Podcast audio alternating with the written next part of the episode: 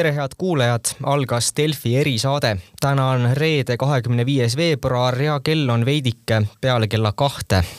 mina olen Kaspar Allik, koos minuga on stuudios Priit Pokk ja telefoniühenduses oleme ka Swedbanki investeeringute strateegi Tarmo Tanilasega järgneva paarikümne minuti jooksul räägimegi teist päeva kestvast Ukraina sõjast ja seda läbi börside ja investeerimise prisma kuigi pinged Ukraina ümber olid eskaleerunud juba mitu nädalat järjest, tuli Venemaa sõjakuulutus Ukrainale eile turgudele siiski šokina. Tallinna börs oli eile suletud, kuid reaktsiooni nägime Riia ja Vilniuse börsilt, mis langesid vastavalt neli koma üks ja kuus koma kuus protsenti näiteks eestlaste seas populaarne Šiauliai pankase aktsia kukkus eile kümme koma viis protsenti ja Euroopa turgudelt vastasid, vaatasid vastu ka langusnumbrid, mida igapäevaselt ei näe. Euroopa suurematel börsidel jäid langusnumbrid kolme kuni viie protsendi vahele. Venemaa börsi tabas aga nende ajaloo üks suurimaid päevaseid langusi ning ühel hetkel oli Venemaa RT, RTS indeks langenud ligi viiskümmend protsenti. päeva lõpus toimus küll taastumine Venemaa rubla on ka nõrgenenud nii dollari kui euro suhtes. eile USA suuremad indeksid aga seevastu tõusid ning suuresti tehnoloogiaaktsiaid koondav Nasdaqi komposiitindeks tegi väga tugeva kolme koma kolme protsendise tõusu. Tarmo Tanilas päris niisugune erisugune liikumine erinevatel börsidel, aga ma esmalt uurin, et kas teie mõte liikus eile ka juba portfelli likvideerimise poole või mitte? Mm, ja tere kõigile, et ei, minu mõte liikus hoopis sinna suunas, et, et mida juurde osta sellistel, sellistel turbulentsetel aegadel, et ja noh, see kokkuvõte, ütleme sissejuhatus oli muidugi teil väga hea ja, ja võib-olla oli isegi natukene siis Eesti sünnipäeva kingitus, et meie börs eile kinni oli, siis tõesti, see on täiesti õige, et kui me vaatame nagu Lätit ja Leedut, siis oli päris kole see turg ja noh, võib-olla minu jaoks kõige suurem üllatus äh, oli nagu Venemaaga endaga seonduv, et noh, loomulikult on ju, et kui sa lähed nagu sõtta ja sul sanktsioonid nagu tulevad, siis on väga suur tõenäosus, et aktsiad võiksid nagu kukkuda. no noh, ma ise võib-olla ootasin Venemaalt mingi kakskümmend protsenti langust, aga tõesti seal mingil hetkel oli viiskümmend protsenti, Sberbank oli mingil hetkel seitsekümmend viis protsenti. noh, Venemaal pole ammu sellist nagu langust olnud eh, ja see näitas seda, noh, seda üksmeelt pigem nagu lääne poolt. et kõik Venemaad hakkasid nagu survestama ja noh, kuni sinna välja, et seal kauplemist teatati mitu korda. aga see on ka muidugi õige, et eh, võib-olla natuke nagu üllatav oli see eilne Ameerika tugevus ja just selles mõttes, et eh, noh, ütleme eelnevalt, kui see oli juba oht väga suur, et sõjategevus hakkab pihta, siis Ameerika turud juba kukkusid mitu päeva järjest ja päris palju. ja siis sisuliselt jah, kui see teade tuli, et sõjategevus ka lang-, hakkas pihta, siis alguses oli, oli jah, nagu selline negatiivne foon, aga siis turuosalised hakkasid pigem nagu keskenduma sellele, et päris suure tõenäosusega Ameerika keskpank ei tõsta sellel aastal nii palju intresse, keskkond on veel keerulisem ja see oli siis peamine põhjus ka, miks siis äh, just tehnoloogiaaktsiad tõusid, mis varasemalt olid just intressi tõstmise ootuses nagu langenud, et äh, aga tervikuna jah, kui me nagu Venemaa välja jätame, siis äh, minu jaoks nagu üllatusi ei olnud. Ja kui nüüd Eestit natuke vaadata, siis meil vedas, et meil oli turg eile kinni, avanes tõesti päris negatiivselt ka Eesti turg siin nelja-viie protsendise miinuse juures, aga no nüüd umbes pool sellest on juba nagu tagasi tehtud, et, et Eesti mõistes ei ole midagi hullu, et praegu siin vaatan, Coopi pank näiteks jõudis plussi täna, tänase päeva seisuga juba, et kuigi päeva alguses oli vist miinus kuus. Mhm. ja paistavad Tallinna börsil ka välja sellised drastilisemad äh, kukkujad, üks neist on Silvano Fashion Group, kel on päris suur osa äritegevusest Valgevenes just ja et noh, tegelikult tal on nagu mõlemas riigis, et, et tootmine nagu Silvanos on siis Valgevenes, aga pigem nagu põhimüük on siis Venemaale. Ja noh, selles mõttes on päris hästi, kui võtta täna nagu Balti börsi lehekülge ette ja vaadata siis, kus need suuremad kukkujad on, siis Silvano selgelt nagu eristub, ta vahepeal oli siin kakskümmend protsenti ka miinuses, just nagu riskitaseme poolest, et noh, tema äri ja müük on siis noh, mõnes, mõlemas siis konfliktriigis täna mullu detsembris te kirjutasite ka arvamusartikli, kus märkisite, et tänavu börsil iga loos enam ei võida. keskkond oli keeruliseks muutunud juba äh, tegelikult mitu kuud varem ja äh, tõesti, mullu see aasta, selline tugev aasta börsidel, äh, väga paljud on juba välja toonud, enam jätkuda nii ei saa. aga sõda teil vist tol hetkel siiski mõttes ei olnud? no ei olnud tõesti, et kuigi noh siin mõned äh, astroloogid ja kes iganes pakkusid, et läheb nagu, äh, läheb nagu keeruliseks, et äh, pinged olid üleval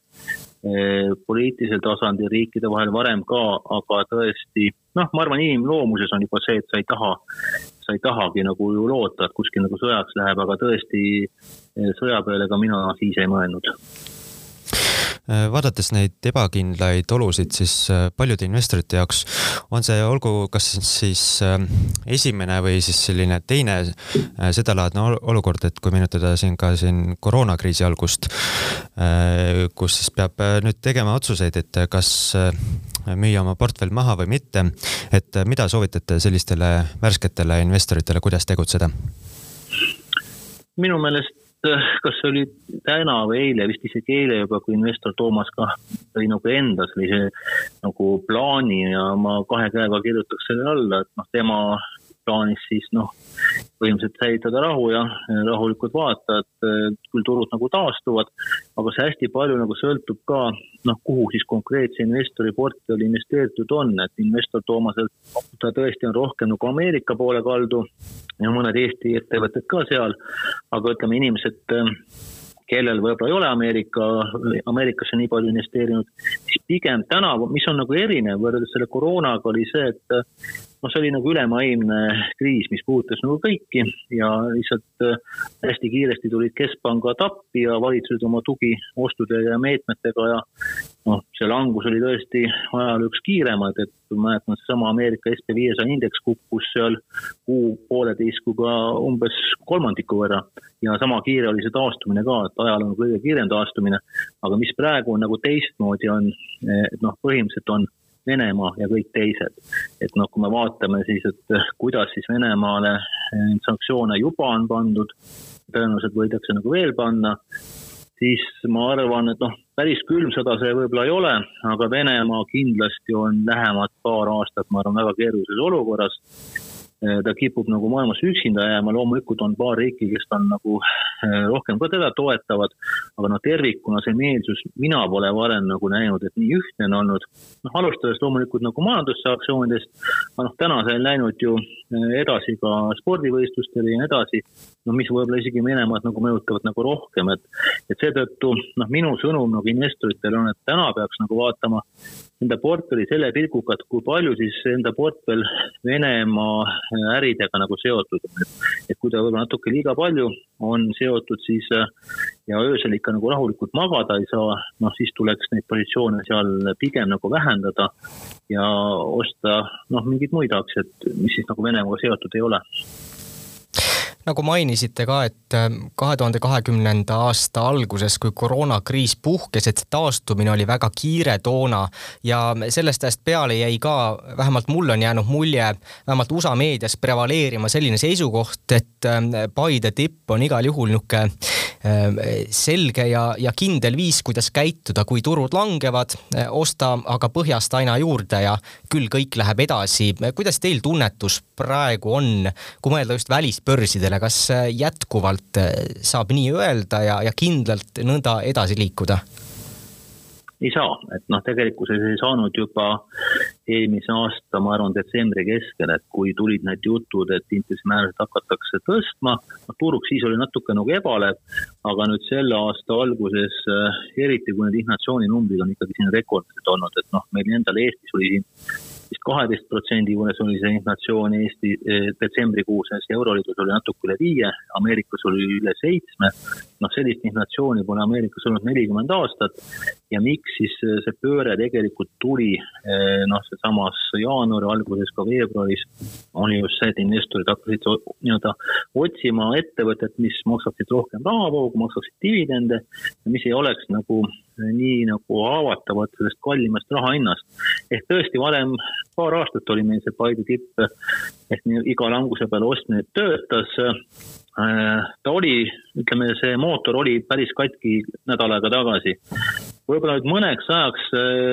noh, tehakse see mootor jälle nagu tööle selles mõttes, et kui siin Vene, Venemaa ja Ukraina kriisi taustal,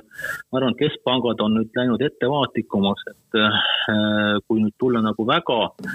väga sellise karmi intressi tõstmisega, siis äh,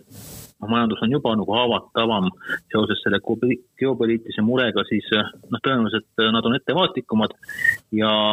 võib-olla isegi paari kuu lõikes nii-öelda iga languse pealt ostmine võib töötada, aga vaatame nüüd siin aasta-pooleteistkümne peale, siis pigem mitte, et sellepärast ma ka kirjutasin, et iga loos ei, ei võida enam, et siin tuleb natuke hakata rohkem sisse vaatama, millised sektorid ettevõtted võidavad, kui raha nüüd on kallim ja millised kaotavad. noh, lihtsalt nüüd selle paari viimase päevaga on lisandunud see poliitiline risk ka siia juurde ja noh, Venemaa täna sisuliselt vähemalt minu jaoks ei ole investeeritav turg, et ja ma ei soovitaks ka investoritel täna raha sinna panna, kuigi hinnad võivad nagu tunduda soodsad. aga lihtsalt see surve, massiivne surve sanktsioonidega hakkab alles tegema Vene majandusel nagu haiget ja ja noh, me vajaks nagu uut valitsust Venemaal, siis me võiks nagu arutama hakata, et sinna raha investeerida, aga täna kindlasti mitte kui vaadata natukene prognoosida ette siin mõned kuud, et, et kummal võiks olla aktsiaturgude mõistes suurem äh, võim, äh, kas siis Vladimir Putinil äh, või Föderaalreservi juhil Jerome Powellil oma siis rahapoliitiliste muudatustega? no lühiajaliselt on Putin nagu võidumees olnud, sest ta on tekitanud totaalse kaose nüüd ma arvan, kui me üldse natuke edasi hakkame minema, siis äh, ma tahaks loota, et tema mõju hakkab äh, vähenema. Õnneks on esimesed sellised äh, noh, püüded ka tehtud, et äkki saaks need osapooled nagu läbirääkimiste laua taga, noh, see tooks juba jälle nagu pinged turult maha, aga noh, sa ei saa inimesega läbi rääkida, kui ta ei soovi sinuga läbi rääkida. ja kui ta nagu kogu aeg risti vastupidi räägib sellele, mida ta nagu teeb. aga ma ikkagi tahaks loota, et asjad nagu paranevad ja ma arvan ikkagi, et aasta teises pooles ikkagi jälle need keskpangad tulevad meil ja inflatsioon loomulikult, need on omavahel seotud, et tulevad jälle nagu siis poodiumi kõige kõrgemal astmel, et nii, aga kui mõeldagi edasi, siis viimased paar päeva selline infotulv on olnud väga suur ja kindlasti see jätkub ka veel mõnda aega. Ähm, millised stsenaariumid äh, investorid peaksid enda jaoks äh, valmis äh, mõtlema, millise plaani endale valmis tegema? noh, meil on, ütleme eelmine aasta eriti, aga üle-eelmine aasta olid ju hästi head ajad finantsturgudel. eelmine aasta oli hästi tore aasta sellepärast, et meil tuli hästi palju uusi investoreid turule ja esimene selline kogemus oli ka hästi positiivne noh, see võib tähendada seda, et võib-olla inimesed on investeerinud liiga palju isegi nagu börsile. et mõned inimesed võib-olla on isegi nagu leivaraha investeerinud börsile. et noh, tänases päevas peaks nagu kindlasti vaatama, et noh, seesama, mis ma juba rääkisin, et kui palju mu enda investeeringutest on Venemaaga seotud, et kas ma tahan sellist riski omada või mitte. ja teine asi, mida ma kindlasti soovitaks vaadata, et millised on siis nagu inimese sellised likviidsed varud, et noh, kui tavaliselt soovitatakse siin no ütleme paari kuu äh, keskmise palga ulatuses omada likviidseid vahendeid, siis sellistes keerulisemates äh, oludes nagu täna, noh, oleks isegi hea, kui need oleks võib-olla poole aasta varud, et et see, miks see oluline on see, et turud on kindlasti nagu volatiilsed, ma arvan, järgmised paar kuud, et äh, noh, needsamad põhjused, mis me enne välja tõime, et see Venemaa olukord, sama, samamoodi keskpankade tegevus ja siis, kui on lihtsalt sellised suuremad, natuke suuremad rahapuhvrid, mis siis, mis sellest, et meil on inflatsioon nagu keskmisest kõrgem, lihtsalt see annab inimesele rahulikuma ööune ja ta ei tekita selliseid sundmüügivajadusi. Äh, kui noh, turud kukuvad, kukuvad ja inimesel on kõik raha ära investeeritud ja raha on vaja, turg ei ole soodne, noh siis sa pead lihtsalt müüma ebasoodsal ajal ja noh, see ei tee ka investori seisukohast kuidagi nagu tuju heaks, et äh, oleks vaja natukene suuremat äh, likviidsuspuhvrit. kui seda täna ei ole, siis mitte nagu paanikasse minna, noh, jälgida neid päevi, kui turud on natuke rohelisemad ja siis natukene võib-olla vähendada aktsiat, aktsiate osakaalu. aga see on hästi individuaalne, et aga iga inimene nagu erinev, aga, aga ma arvan, et keskmisele inimesele selline lähenemine võiks sobida küll kui rea-, kui reaalseks hindate riski seda, et äh, siin tegutsevad äh, välisfondid äh, hakkavad ka siis Baltikumi vaatama kui riskantsema turuna seoses siin Ukraina sündmustega ja otsustavad siit võib-olla lahkuda? noh, see oli teema rohkem üks kümme-viisteist aastat tagasi, kui meil oli siin palju fonde, kes Baltikumi turule investeerisid ja osad ka Venemaa suunal. noh, täna sisuliselt meil ei ole neid välisfonde, mõned väga üksikud ja nende osakaalud on ka suhteliselt nagu väiksed, et ma arvan, see ei ole nagu oht täna, et eh, pigem eh, kui me vaatame, et kes on nagu Baltikumi turgudel rohkem investeerinud, ongi needsamad väikeinvestorid ja võib-olla siis nagu pensionifondid ka, et aga noh, pensionifondides on selline pikem ja rahulikum äh, raha, kes noh, selliste liikumiste peale, nagu me täna näeme, no ei hakka kindlasti nagu paanitsema, pigem nagu ostavad äh, vaikselt nagu juurde. ehk vastus teie küsimusele on see, et ma ei pea seda ohtu täna suureks nagu alguses ütlesite, et teil toimuva peale tulid pigem sellised müügimõtted pähe, kuhu poole Ost,? ostumõtted, ostumõtted. vabandust, vabandust, mitte müügi, just ostu et kuhu, kuhu poole ise vaatate? Äh, ma püüdsin vaadata ikkagi neid sektoreid, äh, mis võiksid nagu võita sellest keskkonnast, kus me nagu täna oleme. et ühelt poolt need on varasemalt olnud juba pangad, tavaliselt kui intressimäärad nagu ülespoole hakkavad liikuma, siis pankade teenitav netointressimarginaal paraneb ja see pankadel on soov, et natuke olen seda vaadanud. aga kui ma jälgisin Ukraina sündmuseid ja seda, mida siis nagu Euroopa Liidus ja Euroopa Komisjonis nagu arutati, siis ja mida Saksamaa nagu tegi, siis noh, kes on nagu hästi suures energiasõltuvuses Venemaast, siis üle pika aja on nüüd näha Euroopa poolt seda, et noh, on aru saadud, et pikaajaliselt see ei ole nagu jätkusuutlik, et Euroopa peab saama energiasõltumatuks ja põhimõtteliselt siis noh, sisuliselt on otsustatud, ma arvan, kui see nüüd poliitiline olukord natukene laheneb, siis Euroopa tasemel hakatakse märksa rohkem investeerima siis erinevatesse roheenergia lahendustesse ja need sekt-, ütleme seesama sektor koos siis ütleme, võib-olla tehisintellektiga oli siin viimase pooleteist kuu jooksul hästi palju turul pigem alla müüdud intressi tõstmise hirmus. ja ka lihtsalt, kui see tuleb riikide poole niivõrd suur nagu toetus, siis ma arvan, viie-kümne aasta perspektiivis eh, on kindlasti üks sektor, mis on nagu huvitav ja noh, kuhu poole ka mina vaatan. Swedbanki investeeringute strateeg Tarmo Tanilas, eh, suur tänu kommentaaride eest. ja kõik head teile. edu investeeringutes. aitäh